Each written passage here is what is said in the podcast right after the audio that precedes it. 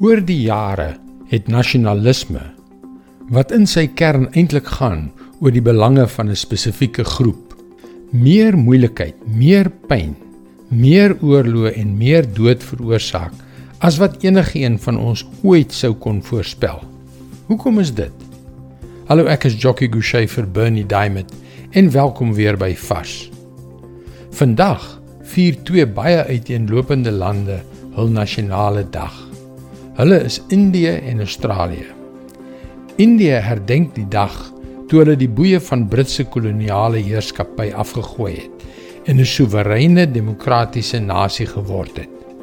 Australië daarenteen vier die geboorte van 'n moderne nasie met die landing van wit Britse settlers by Sydney Cove.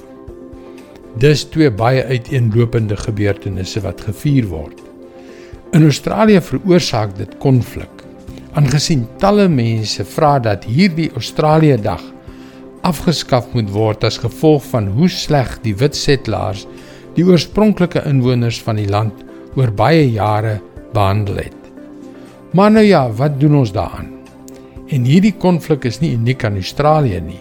Dit word dikwels op verskillende maniere dwars oor die wêreld ervaar. Die vraag bly dus: wat dit drommel doen ons daaraan? Want as ons die saak van alle kante ondersoek, kan jy die argumente vir beide kante sien. Kolossense 3 vers 12 en 13. Julle is die uitverkore volk van God wat hy baie liefhet.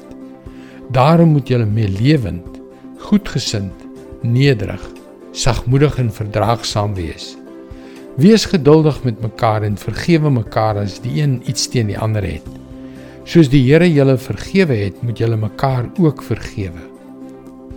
Genade, nederigheid, deernis, begrip, vergifnis, dit is God se antwoord wanneer daar konflik tussen verskillende groeperinge of rasse bestaan. Dit is wat ons gesindheid in hierdie era van identiteitspolitiek moet weerspieël. Genade, nederigheid, deernis, begrip vergifnis.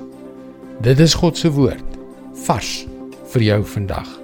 En die kragtigste ding wat ons te midde van konflik kan doen is om te bid. Die goeie nuus daarmee is dat die enigste soort gebed waarvan die Bybel ons leer, die soort is wat kragtige resultate het. Ons sal baie graag saam met jou bid. Gaan gerus na powerfulprayer.org om jou gebedsversoek te deel. Mooi loop en luister weer môre na jou gunsteling stasie.